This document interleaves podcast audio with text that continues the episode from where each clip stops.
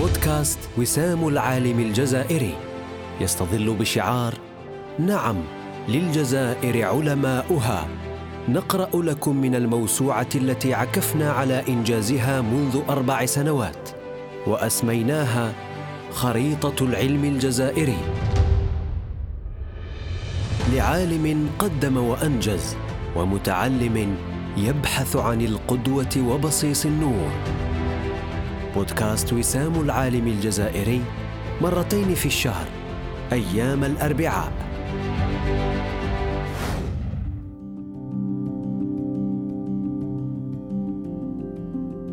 العدد الثامن والعشرون حول المسيرة العلمية للشيخ موسى صاري الوسطية جوهر مادة التربية الإسلامية.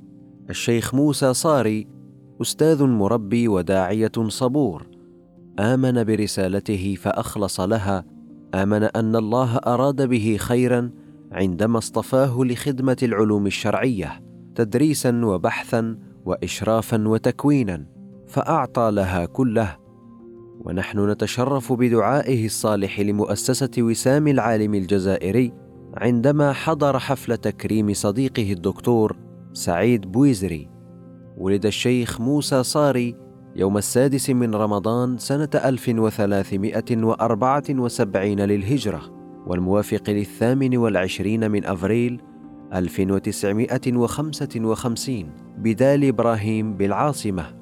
نشأ في بيئة وأسرة محافظة على العلم وطلبه في جو تزينه مكتبة عامرة برسائل العلوم الشرعية وفي كنف والد عايش الثورة فأذاق أبناءه من حلاوة النضال فيها.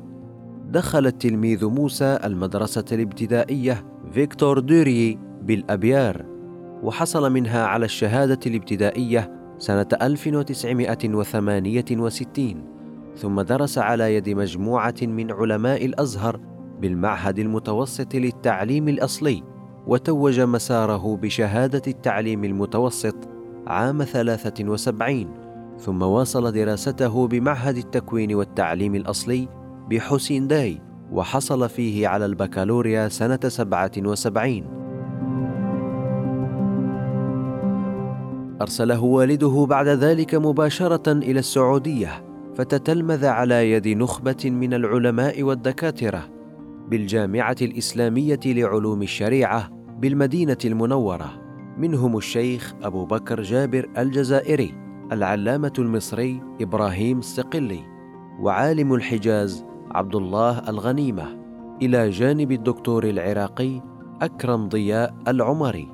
تخرج في هذه الجامعة سنة 82 وعاد إلى وطنه حاملا معه شهادة الليسانس في العلوم الإسلامية وحاملا معه أيضا مجموعة كبيرة من الكتب اشتراها أثناء إقامته بالسعودية. وحصل بعد ذلك على شهادة الدراسات العليا في العلوم الإسلامية من جامعة الجزائر سنة 84 حول موضوع الرشوة. عاد الشيخ موسى حاملا شهادته ومحملا بطموحات وبعزيمة وقادة ليسهم في حركية العلم والتعليم في وطنه. فعمل أستاذا للتعليم الثانوي لمادة العلوم الإسلامية ما بين 83 و 94 واستاذا للتربية الإسلامية في معهد الأشغال العمومية ما بين 86 و 87 وعضوا في لجنة إعداد كتب العلوم الشرعية للتعليم الثانوي في السنة ذاتها وفي لجنة إعداد مناهج التربية الإسلامية من سنة 86 إلى 99 وأيضا في اللجنة المركزية للتكوين أثناء الخدمة بوزارة التربية الوطنية سنة 98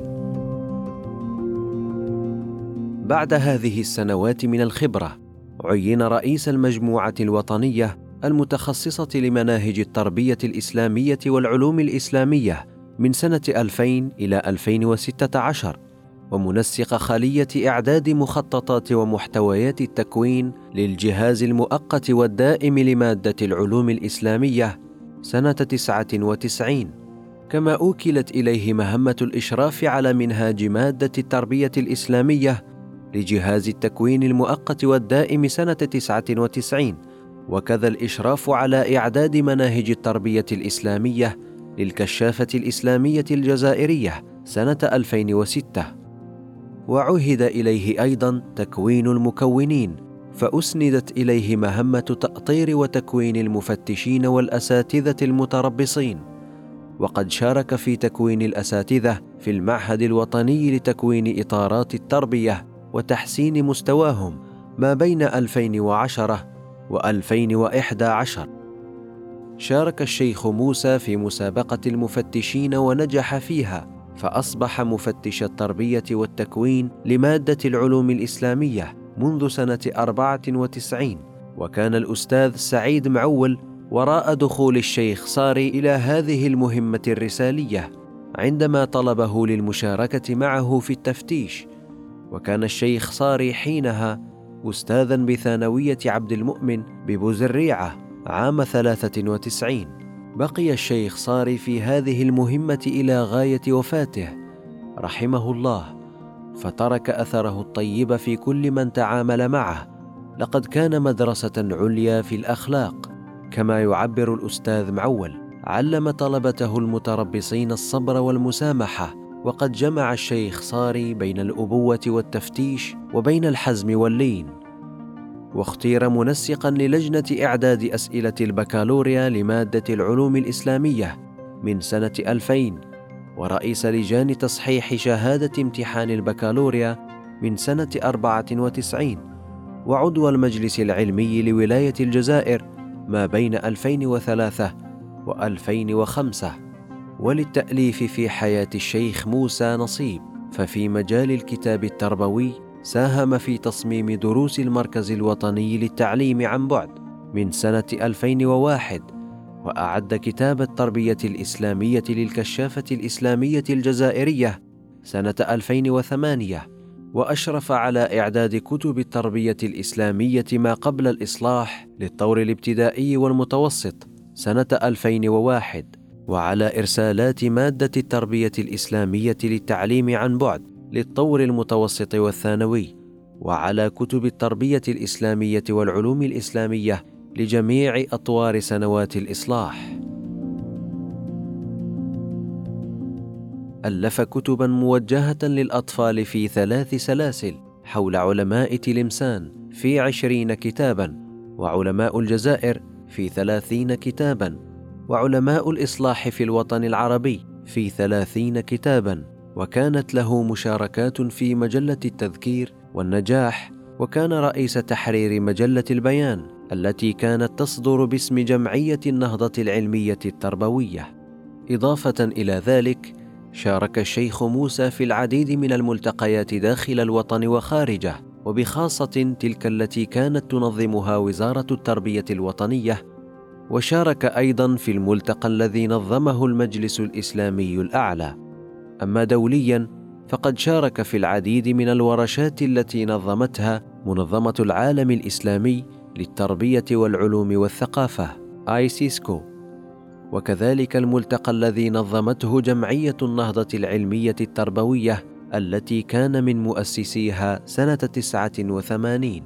أما في النشاط الدعوي المسجدي الذي جاوز الثلاثين سنة فقد كان خطيبا دوريا بمسجد الأرقم منذ سنة واحد وثمانين وهو مؤسس المدارس الشرعية بمساجد النصر بالسكالة المدنية الصابرين الفتح ابن سينا وغيرها وأيضا مشرف على دورات شرعية مكثفة في مسجد الصابرين وابن سينا وغيرها كما كان خطيبا ومدرسا دائما بمسجد الصابرين ببوزريعه من سنة واحد وثمانين إلى وفاته رحمه الله. عرف الشيخ صاري بالصبر والحلم وقوة التحمل إيمانا بقضاء الله وقدره. فمما يروى عنه قصة ردة فعله عندما اغتيلت ابنته الكبرى ميمونة في مجزرة الرايس على يد الإرهابيين في التسعينيات فقال كلمته المشهورة وهو على المنبر سأسامح قاتل ابنتي شرط أن يتوقف الدم في الجزائر. توفي رحمه الله تعالى يوم الجمعة الثاني عشر من محرم 1438 الموافق للرابع عشر أكتوبر 2016 ووري الثرى بمقبرة سيدي محمد ببوزريعة بعد أداء صلاة الجنازة بمسجد الأبرار ببوزريعة في جو جنائزي.